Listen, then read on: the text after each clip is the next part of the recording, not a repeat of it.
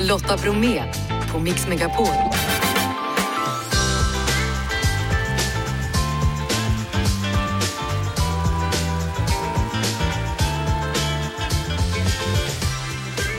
Varmt välkommen och kul att du har hittat hit till vår nya starttid efter 16. Under följande tre timmar så har vi alltid precis som vanligt en härlig mix. Vad sägs om Darin, Jonas Gardell och vinnaren av Bartender-SM? Självklart blir det mer än så i dagens program. Varmt välkommen än en gång, nu kör vi!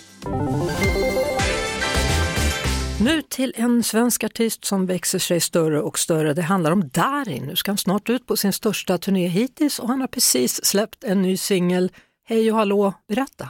Den här nya låten Starkare skrev jag själv på ett litet rum i en lägenhet som jag hyrde i Santa Monica när jag inte visste riktigt vad jag skulle göra med mitt liv. Det var under pandemin, inga turnéer, jag visste inte vart jag skulle bo någonstans, för jag hade sålt min lägenhet i Stockholm. Alla mina grejer var i min semesterlägenhet i Spanien.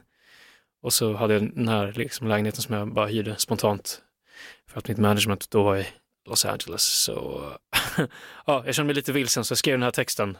Lite för att trösta mig själv och eh, det hjälpte faktiskt. Jag tänkte att jag hoppas att om jag släpper den här låten någon dag, att den kanske kan nå ut till någon annan och hjälpa någon annan där ute som går igenom en svår tid. Så det du pratar om är egentligen vikten av att dela och faktiskt få stöttning? Jag tänker att om man går igenom en svår tid så kan det vara skönt att höra sådana ord som, som får en att inse liksom att livet inte alltid är lätt. Och man har redan tagit sig igenom väldigt mycket. Att påminnas om det och att man oftast faktiskt inte är ensam. Att öppna upp sig själv och det är bra att liksom prata ut och inte hålla allting inombords. Är väldigt nyttigt har jag märkt själv. Du ska ju gästa Laleh då på två stopp i sommar, men sen i höst då är det dags för en egen turné med premiär den 29 september i Linköping. En stor turné dessutom. Då smäller det till, då ska jag ut på en, min största turné någonsin faktiskt, en arenaturné. Det blir 11 stopp och jag kommer bland annat spela i, i Globen, Avicii Arena, eh, Malmö Arena och Scandinavium och åker runt i Sverige och eh, kommer att eh, bjuda på ja, massa olika känslor. Jag vill bjuda publiken på en resa där man får känna det mesta din personliga resa, hur kommer den visa sig på turnén? Det kommer bli lite olika världar. För jag vill att man ska få känna det mesta. Liksom. Jag vill att det blir en blandning av det som jag har gjort den senaste tiden men också blandat med lite av det äldre jag gjort. Eh, och det kommer ett nytt album i september på svenska. Så det kommer säkert finnas mer låtar från det. Och bland annat Starkare, min nya singel. Podplay det är måndag och det betyder precis som vanligt att det är dags att tipsa om en podd från Podplay. Och idag så gästas jag av Ida Asperund och Alicia Lauterbach från podden Vägen till himlen. Välkomna! Tack så mycket! Hur härligt är det att ha en podd? Jättekul! Det är superroligt. Det är lite terapi för oss skulle jag säga också. Att man sitter med en nära vän och pratar om sina problem. Det är lite som man glömmer bort att andra människor ska sitta och lyssna på det här. Vi ska lyssna på en del och då handlar det om Alicia som delar med sig av hur hon lärde känna sig själv. Jag började lära känna mig själv förra året mm. som 20-åring. För att innan dess så har jag bara varit en osäker liten, liten flicka. Mm. Som inte, jag har bytt personlighet var och varannan dag, bytt hårfärg som hej vilt. Har du bytt typ personlighet? Alltså, med beroende, hårfärgerna? Ja, men så här, beroende på vilka du umgås med eller? Ja men det skulle jag säga. Ja. Jag har ju bara velat passa in mm. och hitta vart, vart, vart är min plats liksom, i det här samhället? Vart är min plats hos folk? Vem är jag? Mm. Ja Alicia, hur har det varit att lära känna sig själv? Det är fantastiskt och underligt att titta tillbaka på det och se, alltså bara se bilder och videos på mig själv från bara något år sedan och säga vem fan är det här? Alltså sättet jag pratar på och resonerar, är, alltså det är så annorlunda från hur det är nu. Känner du likadant Ida? Ja, jag är ju lite äldre än Alicia. Så jag tror att den här resan som hon gör nu har jag liksom redan gjort för några år sedan. Men, men på vilken skillnad när ni säger så att jag var en person tidigare och en annan nu. Vad tänker du på då när du säger så? Alltså jag tror att när vi började vår första podd så var nog båda vi lite vilsna. Vi kanske inte var så hälsosamma relationer, både vänskapsmässigt men liksom partners också. Alicia, du pratar ju här i det här klippet om att förut var det viktigt för dig att passa in, mm. både vad gällde utseende och hur man var i sättet också eller? Ja. Alltså jag har ju varit i väldigt många olika typer av umgängen i min uppväxt. Från att gå i grundskolan till att vara med en typ av människor till att komma till gymnasiet och vara med en helt annan typ av, alltså hamna i en helt ny värld. Och inte riktigt förstå, okej okay, vart hamnade jag nu? Alltså nu, nu blev det jätteförvirrande. Men eh, sen till slut kom jag väl underfund med att jag bara får bestämma själv vem jag är och vad jag vill göra. Är det för yngre tjejer, er podd, vill ni vara förebilder? Är det det det handlar om också? Jag tror att vi vill vara folks stora systrar mer. Även vara den som säger att det är okej okay att må dåligt. Det är okej okay att göra grejer som kanske i stunden är fel. Vi förstår. Vad får ni för reaktioner på podden? Vilka hör av sig? Den har varit bra. Eh, både från tjejer och killar. Mm. Eh, jag skulle säga att det är också väldigt många unga killar som hör av sig. Vår målgrupp är ju unga tjejer. Men att många killar kommer med väldigt bra feedback av att gud vad skönt det var att höra det här. Stort tack för att ni kom hit då, Ida Asperund och Alicia Lauterbach från podden Vägen till himlen. Och ett nytt avsnitt kommer ut då på torsdag. Ja, och det som ligger ute just nu det handlar alltså om att vattenstämpla sina nudes. Mm. Nog så viktigt. Ja, precis. Tack för att ni kom. Tack, tack snälla. Tack, tack. I fredags så gick SMHI ut med en röd varning för höga flöden längs delar av Torneälven och varningar har också utfärdats då längs Månioälven och Kalixälven. Och flödena har inte varit så här höga sedan 60-talet. Med mig nu Nina Bossart, hydrolog från SMHI. Välkommen! Tack så mycket! Ja, vad är egentligen status nu? Är det fortfarande en röd varning? Ja, nu har vi fått uh, vår uh, modellkörning uh, i morse här och det ser ut som att den röda varningen kommer att ligga kvar, åtminstone idag, men kanske även imorgon. Vad betyder egentligen en röd varning? En röd varning, det betyder att flödena i vattendraget ligger på en 50 års återkomsttid eller högre och det är ett väldigt krångligt begrepp. Men man kan föreställa sig att sådana här flöden de uppstår i snitt statistiskt sett vart 50 år. Så någon som är under 50 år, det finns en stor sannolikhet att den personen inte har sett sådana här flöden. När vi pratar om höga flöden, då pratar vi inte om vattenstånd, utan då pratar vi ju om, om en mängd vatten som rör sig. Då det är kubikmeter per sekund som vi pratar om. Varför har det blivit så mycket vatten i älvarna? Ja, korta svaret är att det kanske var otur i år. Det har varit snö sent på året eftersom det var kallt i april och det hade kom lite ytterligare snö. Så vi hade snö kvar i maj, relativt mycket, som då smälte snabbt när vi hade den här väldigt långa, ganska varma perioden med temperaturer över noll både på dag och natt. Och sen fick vi ytterligare på det kraftig nederbörd förra veckan, tisdag, onsdag. Och allt det där sammanföll väldigt otydligt eh, i tid och i två större vattendrag, och Munjoälven och Torneälven. Och när de sammanflödar med höga flöden båda två, då blir det ju, då summeras det upp och eh, leder till de här riktigt höga flöden som vi ser nu. Vad gör man åt en sån här sak? Kan man göra någonting åt det eller är det bara att vänta? Alltså vi kan inte påverka de flödena som är nu. Nej, det måste vi vänta tills det sjunker undan. Men det man kan göra är ju att inte vistas nära vattendraget om man inte verkligen behöver det. Det är ju farligt med höga strömhastigheter till exempel. Och översvämningar längs med vattendrag förstås. Så vad tror du, har vi sett slutet här eller kommer det att fortsätta med vattenmassorna? Alltså sett med dagens prognos ser det ändå ut som att eh, det kommer sjunka undan nu under veckan. Med det sagt vill jag ändå understryka att det är väldigt höga flödena oavsett. Alltså vi, vi, är ju på en så hög nivå att det kommer ta lite tid. Så det kommer upplevas som väldigt höga flöden fast de sjunker undan, fast det blir lite mindre. Och vad, vad säger du då? Har du någonsin sett så här höga vattenflöden i Sverige? Nej, inte i min tid eh, som hydrolog här på SMHI kan jag säga. Om man också då vänder blickarna ner mot Italien så har man ju även i norra delen av Italien stora vattenmassor just nu. Ja, det stämmer. Och eh, SMHI är faktiskt också med i en eh, europeisk varningstjänst där vi övervakar flödena. Men det händer grejer med vatten över hela jorden med andra ord? Ja, men så, det känns ju som så och eh, det är så att det, det blir extremare väder. Det är ju så mycket vet man ju. Tack så mycket Nina Bossard, hydrolog på SMHI. Igår så gick tävlingen Årets bartender av stapeln i Göteborg. Det var fyra bartendrar, en från Stockholm, två från Göteborg och en från Luleå som gjorde upp. Och det blev du, Arber Bemci från Göteborg som vann. Stort grattis! Tack så jättemycket. Tack. Känns livet annorlunda när man vaknar upp som Årets Eh, bartender? Jag kan inte tro att jag har vunnit och eh, det har inte lämnat in i mig. Så Man skulle göra då tre stycken nya drinkar då med en röd tråd. Yes. Vilka drinkar gjorde du? eh, jag har baserat eh, hela eh, på Divine Comedy från Dante Alighieri. Så det var tre drinkar and det var one was very spicy and smoky and then uh, one was uh, more uh, like mild and uh, umami taste and the and the third one was uh, something that was very um, summery uh, taste and uh, a lot of uh, grape and pomegranate.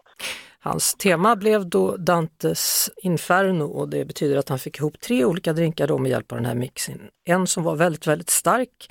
Eh, Domarna sa att kryddorna fanns kvar i halsen efter de hade druckit den. En som var betydligt mjukare och sen en drink då som var väldigt somrig. Till vardags så jobbar Arber Bamshi på en bar som heter View Sky Bar på Riverton Hotel. I och med att han vann nu då, då är han årets bartender och då ska man ut i världen och representera Sverige. Yes, and I will uh, I will go with uh, the association uh, uh, guys uh, uh, to represent Sweden, and a lot of uh, contestants uh, was uh, thinking that they want to join as well, which it was very uh, heartwarming to be able to go as a very large group and represent Sweden in Rome. Världsmästerskapen i att mixa drinkar och vara bartender kommer alltså äga rum i höst i Rom, Italien. Frågan är hur han ska träna inför det. we get to know a theme. It is a theme that uh, you get uh, as a country categorized, and then you work on it, uh, and then um, you have uh, the trainers uh, from the association Mhm. uh, that helps you with um, any information or any uh, technique. Uh, since uh, now it's not a, it's not anymore about uh, like making just a good drink, but it's about how you present yourself and how you uh, you do um, the cocktail basically. Vad tror du, kommer du vinna världsmästerskapet i bartender? Well, uh, yesterday they was preparing me uh, a lot. Uh, my, uh, mindset like now it's like that you have to believe that you, if you won this competition, which was very hard, you will be have a high chance to win worldwide. We wish Yeah. you very good luck and once again congratulations. Thank you so much. Thank you. I appreciate everything. Lotta Bromé på Mix Megapol. Ja, vi känner ju Jonas Gardell som en komiker, en författare men också en estradör. Nu favorit i repris. Hörru du, eh, Intiman för 30 år sedan. Ja, det är lite fascinerande. Jag har exteriörbilder för hur det såg ut och två, kan det vara 12-13 års killar som tittar rakt in i kameran och man tänker, herregud, de är medelålders nu. Mm. Det är lite fint. Och när jag var där på Intiman så var, då hade jag gjort soloshower och som ståuppare lite varstans. Och eh, nu så skulle jag hemligen göra en stor show med, med orkester och dansare och kör och, och scenografi och grejer. Och ingen fick veta det förrän premiären. Ja, det var verkligen så. Man gick dit för en finstämd kväll och du skulle hålla en monolog och så helt plötsligt brakade det bara loss. Jajamensan. Till och med fyrverkerier. Ja, ja, det var så mycket pang-pang och framförallt så hade vi byggt upp, man trodde att det en helt naken vanlig teater och sen så plötsligt bara brakade bakvägen, väggen framåt och där dundrade liksom musikerna på. Det var väldigt, väldigt tufft. Och det var ju, min stora idol var ju Bette Midler och är Bette Midler artisten så jag tror att det var mitt försök att göra en Bette Midler-show. Ja, man är ju väldigt nyfiken. Kommer du luras på samma sätt den här gången? Ja, nej, nej, jag har väldigt lust till att vara intim den här gången på Intiman. Att vara innerlig och att vara, när jag försöker tänka efter vad som skiljer mig från andra komiker så kan det ju vara det där att jag är rätt välskriven, rätt välformulerad eftersom jag också är författare och det är de flesta andra komiker inte. Inte så att jag ska vara så här superlitterär men jag tänkte att ja, jag ska nog kunna få till en föreställning som både är väldigt rolig och eh, rätt spännande. Spännande. Ja, Ja. Alltså grejen är så här med dig då, när, när vi lärde känna varandra så gjorde du föreställningar ihop med Kim Hedås. Och de var ganska allvarliga bitvis. Alltså jag gillar ju när du har flera. Alla mina föreställningar pendlar mellan humor och Ja, allvar. och, och det tycker jag om. Ja och, det, ja, och det kommer nog det här att göra också, även om det blir väldigt kul också. Men jag tänker att det bara blir något mer än bara allvarligt. Jag tror att det kanske till och med blir lite viktigt. Det kanske blir någonting som man tänker, oj, fan, det där behövde jag höra. Mm. För att vi som blivit lite tilltufsade kan ibland behöva höra saker så att man orkar gå några väg till på den där okända vägen framåt mot en framtid som vi alla vet kommer bli ganska pissig. Jag, jag, jag vet för, för några år sedan, då sa du att nu är det dags att jag blir lite gayig igen i mina shower. Lite bögig, Ja, gayig lite har jag bögig. aldrig Nej, men lite någonsin sagt. bögig. Ja, Vad blir det den här gången? Alltså på ett plan blir det ju, alltså, ja, det är ju svårt för mig att inte vara liksom Queen Bee, drottningbögen. Nu när Christer Linda kallar sig King of Queens, det tycker jag är lite roligt. För att han har, vill ha sitt glesa lilla skägg hela tiden och inte orkar raka sig. Men eh, så, då får jag väl vara den lilla drottningen. Eh, ja, jag tänkte, tänker att jag tycker mycket om Christer, tack för 70-årskalaset, din lilla goding. Det jag har lagt till i showen nu är den där aktivisten, den där motståndsmannen som jag faktiskt börjat bli mer och mer. Den där rösten som fan inte tänker hålla tyst. Du lyssnar på Mix Megapol och vi är mitt uppe i ett eh, samtal, ett samtal mellan mig och Jonas Gardell, en av våra önskerepriser. Och han kommer ju ha en ny show då på Intima nu i höst. Och nytt är att han har med sig en regissör den här gången, nämligen Johan Glans. Ja, och han är nog den mest häpna, för jag tror inte vi har sagt regissör till honom när vi har frågat honom. utan, utan ja, ja, men jag, jag, jag tänker bara att jag försöker göra allt lite annorlunda än vad jag har gjort tidigare i mitt liv. Det har liksom bara blivit så att jag, ibland kommer man ju till, till vägskäl där man vet att nu kan jag gå åt ett helt annat håll och varje steg jag tar ett nytt steg åt ett nytt håll.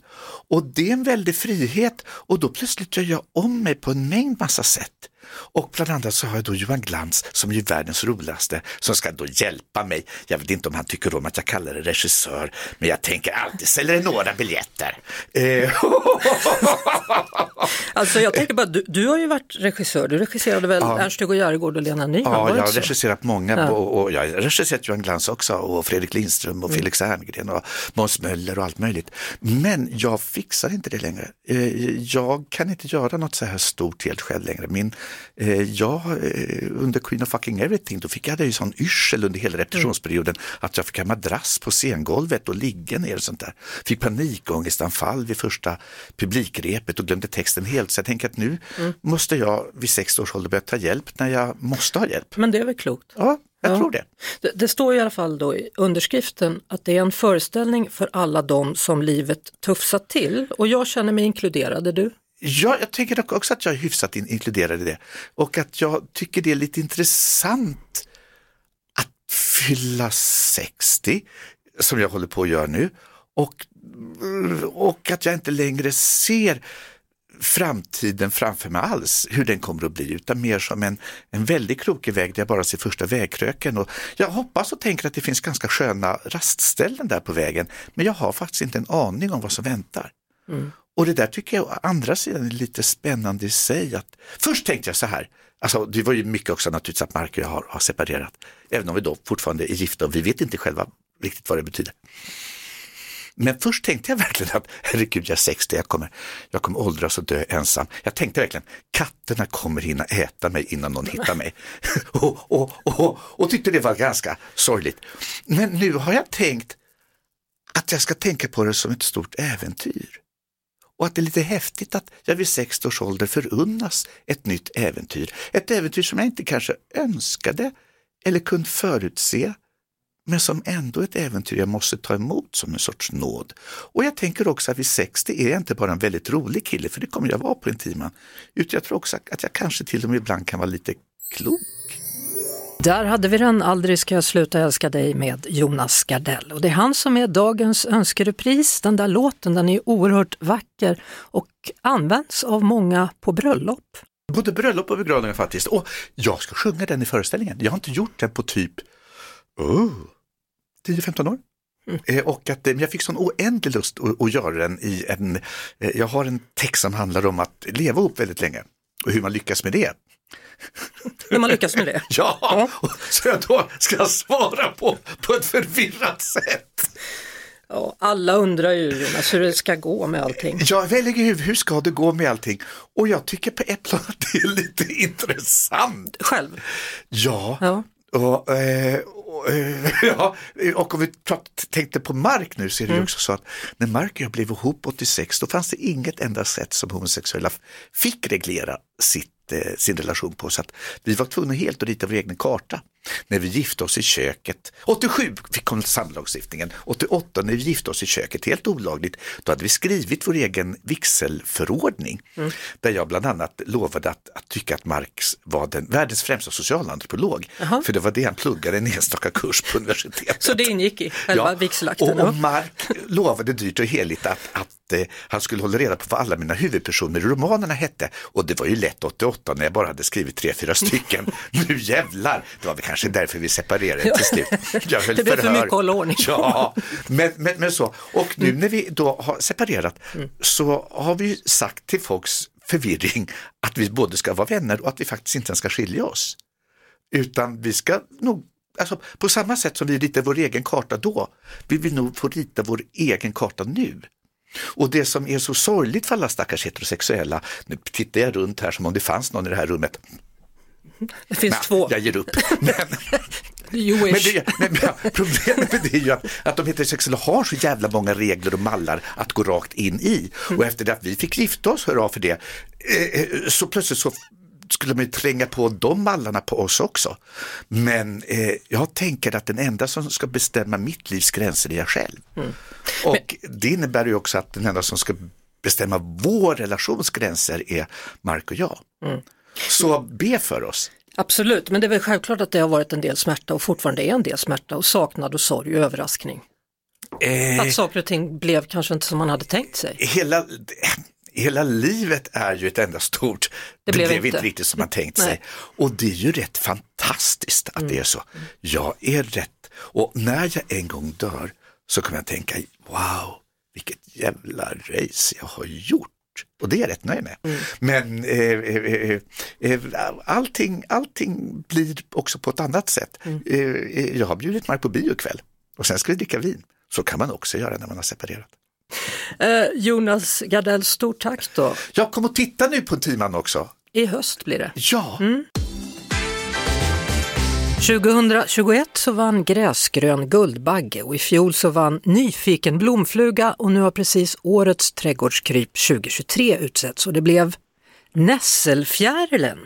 Hallå Lars Pettersson, docent i ekologi vid Lunds universitet. Hallå, hallå. Ja, i motiveringen då så sägs det att det är en utmärkt ambassadör för Sveriges fjärilar. Varför? Ja, men den finns i, i hela landet, eh, i trädgårdar lite varstans. Det är en sån art som alla människor tycker om och känner igen och så här. Så att, eh, den känns som en riktigt bra art. Den trivs på nässlor och nässlor finns ju lite varstans. Den går upp och ner i antal eh, mellan åren sådär men i stort sett så ligger den ganska stabilt. Och det är väl just det att eh, det som larverna trivs på det är just nässlor och eh, de har vi lite varstans runt om i landet. För att ofta är det ju det att när man tänker på eh, olika djur så tänker man kanske bara på den vuxna sådär. Men när det gäller fjärilar så är det jätteviktigt att man tänker både på, på larven och vad den behöver och den vuxna. Och det är ju lite grann det som är det fiffiga med att välja en fjäril just i år till den här årets trädgårdskryp. Mm. Att, man, att man visar på den här kopplingen mellan att eh, ja, de behöver både växt som, som larven ska gnaga på och sen eh, blommor som, eh, som den vuxna kan dricka nektar från. Och nässelfjärilen då är orange med brun täckning, kan man säga så? Ja, men precis. Kan du ge oss en topp tre vad man ska tänka på för att gynna fjärilen i sin trädgård? Jag skulle säga bra blommor för den vuxna att käka på och det skulle kunna vara oregano eller timjan så här lite längre fram på sommaren. På våren kan det vara krokus. Man behöver ha nässlor och om man då inte vill odla nässlor i sin trädgård, det kanske finns nässlor i närheten, men vill man ändå ha lite nässlor, då kan man odla det i en balja så har man det där. Man kan väl försöka göra trädgården så, så trevlig som möjligt med olika växtlighet så, så brukar de trivas. Du jobbar ju som sagt också då med dagfjärilsövervakning och alla som vill kan vara med och övervaka eller räkna fjärilar då. Det låter lite avancerat men hur gör man? Det kanske inte är så svårt. Nej, det är faktiskt inte så svårt. Det finns eh, någonstans runt 300 350 som håller på med det här i hela landet.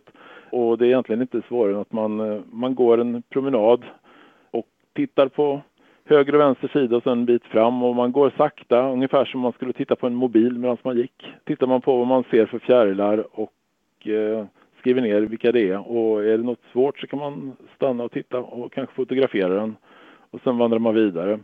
Och det kluriga är att man liksom går samma sån promenad flera gånger.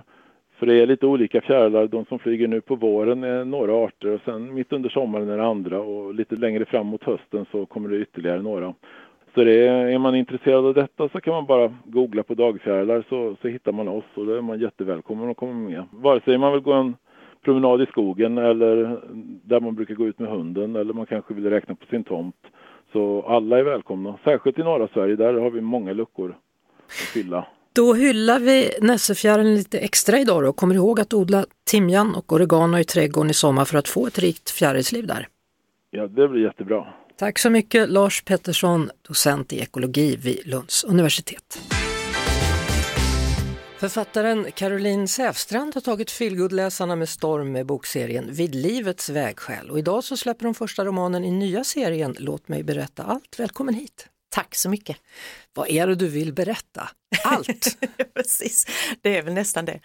Eh, nej men jag känner väl lite grann att i alla böcker som jag skrivit så, så har jag ju grottat ner mig i olika typer av familjehemligheter eller de där grejerna som man gärna skyfflar under mattan och, och, tror att då syns de inte och finns de inte. Men de har ju en tendens att alltid bubbla upp till ytan och, och hemligheter får ju alltid konsekvenser. Och det finns ju en sån dramatik i det som man kan liksom ösa ur. Eh, och jag läste ju en, en eh, artikel som handlade om ett forskarlag eh, på Columbia University Eh, och de forskar om ämnet hemligheter. Ja, för grejen är, har det visat sig då i den forskningen du har tagit del av, att ja. vi alla bär på ett visst antal hemligheter. Precis. Enligt dem så bär vi i snitt på 13 hemligheter och fem av dem är då så hemliga att vi inte berättar om dem för någon. Och när jag läste den meningen, du vet författarhjärnan triggades ju igång och sen kände man bara att äh, det, här, det här blir inte bara en bok, det här blir en serie.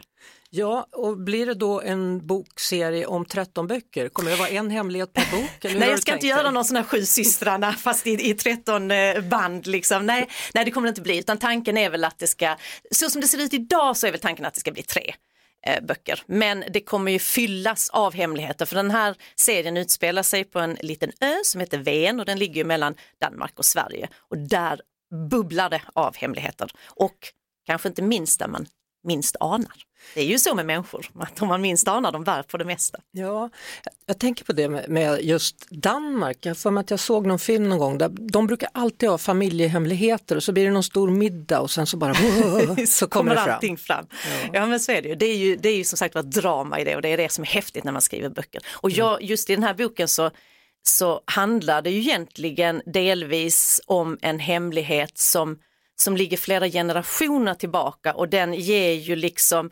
konsekvenser för Ulrika i nutid. Eh, och det där tycker jag också är så spännande att så är det ofta med de här liksom lite mörka och tunga familjehemligheterna, de påverkar inte bara individen själv utan de påverkar alla runt omkring och ibland flera generationer. Så ska ja. man in och nysta i det, då blir det lika spännande som en deckare. ja, det ska bli spännande nu liksom när det kommer nya generationer, för jag tänker på de äldre generationerna, de var ju mycket sådär oäkting och, och det, man, det är svårt att forska i vissa släkter bakåt för det är bara stopp. Precis. Och i framtiden, kommer vi ha det likadant eller är vi mer benägna att berätta ja, för varandra? Precis. Vad tror du? Ja men det där har jag också funderat lite grann över, för jag satt faktiskt och tänkte på det att jag själv, jag är född eh, i början av 70-talet och då växte man ju liksom upp på 80-talet och jag växte upp på en sån där liksom vacker plats i ett nybyggt område alldeles vid havet och så. Och alla familjer var ju de perfekta familjerna, det var inga familjer som hade problem. Men nu när man tittar tillbaka så har man ju sett sprickor både här och där och det har ju sipprat ut både det ena och det andra där. 80-talet var ju liksom på det sättet. Idag känns det ändå som att vi är öppnare med att prata om saker och ting som är jobbiga i alla fall. Mm. Eh, det finns ändå en annan öppenhet för det. Samtidigt så tror jag också att vissa grejer håller vi faktiskt för oss själva. Det är svårare att, att, berätta om allt. Caroline Säfstrand finns med mig. Nya boken heter Låt mig berätta allt och tanken är att det här är den första romanen i tre då, en ny serie är det som är på gång. Och det är hemligheter som har inspirerat eh, Caroline. Eh, om vi kollar närmare då på de där 13 hemligheterna som någon forskare mm. hade tagit mm. fram. Vilka är det? Vilken är den vanligaste hemligheten? Det som de kom fram till, det här forskarlaget på Columbia University, det är ju att den vanligaste hemligheten vi bär på som vi inte berättar om för någon, eh, det är att vi tänker på ett, eh, en relation utanför vårt förhållande. Det är ju intressant. Sen finns ju också ja. till exempel stöld finns med på den här listan. Man stöld. har kanske norpat åt sig någonting någon gång som man inte har velat säga till någon. Det kan också vara sådana här harmlösa eh, hemligheter som att man planerar någonting, någon överraskning för någon och så vidare. Eller att man i, i hemlighet planerar eller har en ambition om någonting som man inte har sagt till någon. En dröm man drömmer som man inte kanske har nämnt för någon. Jag själv skrev ju min första roman eh, helt i hemlighet, jag berättade inte för någon. Så jag skrev i smyg när mannen hade gått till jobbet och barnen hade gått till skolan. Så det var min lilla hemlighet då. Den var ju också ganska harmlös och den ledde ju till någonting gott. Men så det finns ju lite sådana eh, hemligheter också. Sen finns ju också då bland de här hemligheterna är ju också en personlig historia som man har hållit hemlig. Den finns också med bland de här 13 vanligaste. Jag, jag tittar en del på så här reality-tv och bland mm. annat då när, när, eh, en eh, kille där som är transsexuell, han har blivit mm. kille och alltid mm. känt sig som kille mm. och så ska han berätta det här för sin flickväns väldigt religiösa föräldrar. Ja. Och det visar sig att det går hur bra som helst. Ja. Men för honom var det så viktigt att berätta hela mm. sanningen. Det har de också kommit fram till i den där forskningen att eh, de tunga, mörka hemligheterna som vi går och bär på, om vi inte berättar om dem för någon, då, då ältar vi dem och de växer ju i vårt huvud och blir ju lite grann som ett gift och de kan ju få oss att må otroligt dåligt. Mm. Eh, och då är det också eh, bättre att eh, berätta om dem, för det är egentligen den enda lösningen för att liksom lyfta det där oket från axlarna på något vis. Eh, och det, det, är samma sak, det är precis det som händer i min bok, att där är ju också de här hemligheterna gör ju människor ensamma, osäkra. Men när man liksom någonstans lättar upp det och lyfter på locket och berättar om det för någon så, så växer man som människa och då, då tar man det där steget till någonting nytt och någonting bättre. Men du, eh, mm. Det här med hemligheter, har vi olika hemligheter beroende på vilket land vi bor i tror du? Ja, men jag tror faktiskt att det är så. Jag tänker ändå att den här undersökningen som gjordes, den gjordes ju av eh, amerikanare. Och jag tänker att där har man säkert en hel del hemligheter som också är baserade på att man kanske har en viss religion och så vidare, att man är väldigt stadig i den. Jag tänker om vi pratar hela den här abortgrejen, man kanske inte gärna berättar om man har gjort en abort. I Sverige är vi kanske lite mer öppna med de bitarna. Eh, så jag tror definitivt att det där kan skilja sig jättemycket från vilket land vi bor i mm. och vilken kultur vi liksom lever i. Är vi ett hemligt folk tycker du, svenskar? Eh, jag tror att vi tänker på oss själva som att vi inte alls är det, men jag tror faktiskt att vi är ganska hemliga och jag tror framförallt att vi är väl ganska måna om att eh, var, visa en viss bild utåt. Men det gör ju också att vi på det sättet döljer ganska mycket av det vi har inom oss och att det blir liksom lite grann ett krav på att vara någonting. Och då blir det lite den här skammen med det man bär inom sig. Så att ja, jag tror faktiskt att vi är hemligare än vad vi tror. Senaste boken heter Låt mig berätta allt. Det handlar om författaren Caroline Säfstrand och hennes topp fem ställen att läsa på. Nummer fem. Alltså soffan, fåtöljen eh, är ju liksom standard. Egentligen tycker jag ju att man faktiskt kan läsa på alla platser. Det är det som är häftigt idag också när vi har ljudböcker också. Att du kan ju faktiskt på riktigt läsa överallt, vad du än gör. Och det handlar väl mycket om att liksom skapa rätt läsestämning. Nummer fyra hitta någon sån här eh, mystisk, egen, udda plats ute i naturen där ingen annan finns. Helt själv. Nummer tre. Hoppa upp i ett träd. Sätt dig i ett träd och läs.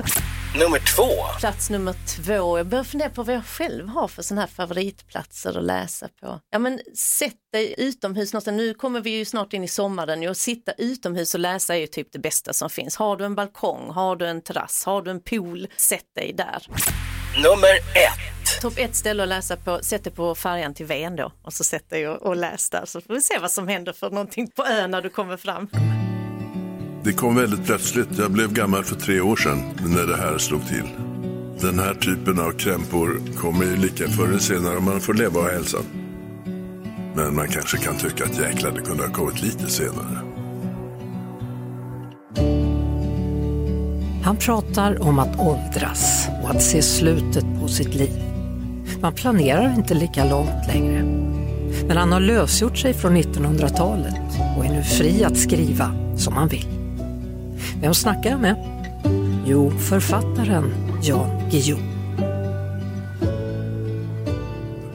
Plötsligt när jag ska rastas i en sån där tårtbit som alla sett på film, så står en kille där inne.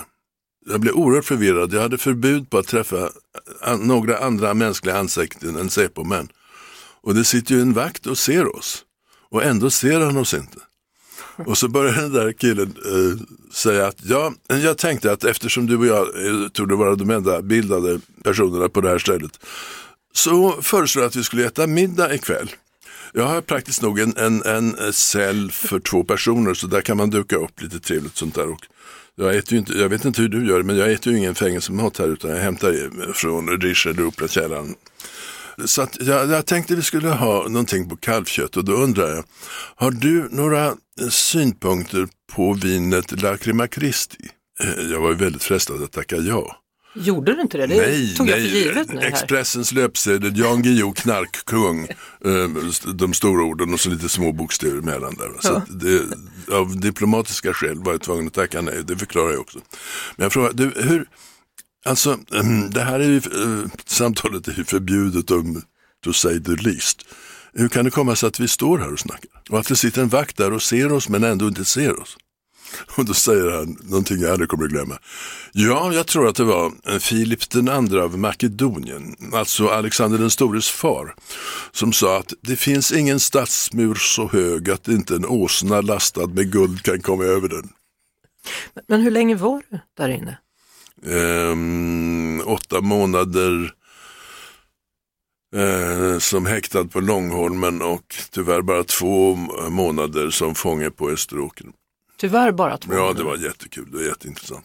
Där hade ju journalister försökt att komma in i åratal. Det var en av de två hårda riksanstalterna. Så att där satt alla eh, mördare och bedragare och knarkungar och andra. Men, men du fick prata med dem då? Eh, Ja, jag var ju det chef, jag var ju det. chef över fångarna. Så det tror jag det. Jag hade en timmes mottagning varje dag, eh, där med kö utanför cellen. Där det, man kom med allehanda besvär. Eh, någon plit som inte hade levererat knark trots att den har fått betalt och som man nu begärde tillstånd att få döda. Och, vilket jag inte medgav. det skulle varit anstiftan till mord, herregud. Det är inte därför jag eh, sitter här på fängelset. Eller eh, folk som hade ut, konstiga utvisningsärenden. Jaha, så du satt där som en slags Ombud gudfader också? ja, ja, och bestämde vilka som skulle misshandlas eller inte i vissa fall. Men, men nu tror ju folk att du faktiskt sa, ja du kan misshandla honom. Um, jag vill inte i detalj, det är, Nej. min eventuella brottslighet i det här sammanhanget är visserligen preskriberad. Nytt avsnitt ute nu av podden Vem snackar med Lotta? Finns på podplay.se eller i podplay-appen. Janne, Lotta, Jeanette säger tack så mycket för idag. Fortsätt lyssna på Mix Megapol. Då dyker han strax upp här Myslund. Jeff Neumann är dagens producent. Vi hörs igen imorgon och då bland annat med Tommy Nilsson. Ett poddtips från Podplay. I podden Något Kaiko garanterar östgötarna Brutti och jag, Davva, dig en stor dos skratt. Där följer jag pladask för köttätandet igen. Man är lite som en jävla vampyr. Man har fått lite blodsmak och då måste man ha mer. Udda spaningar, fängslande anekdoter och en och annan arg rant. Jag måste ha mitt kaffe på morgonen för annars är jag ingen trevlig människa. Då är du ingen trevlig människa, punkt. Något Kaiko, hör du på Podplay. Därför arkadeinerna.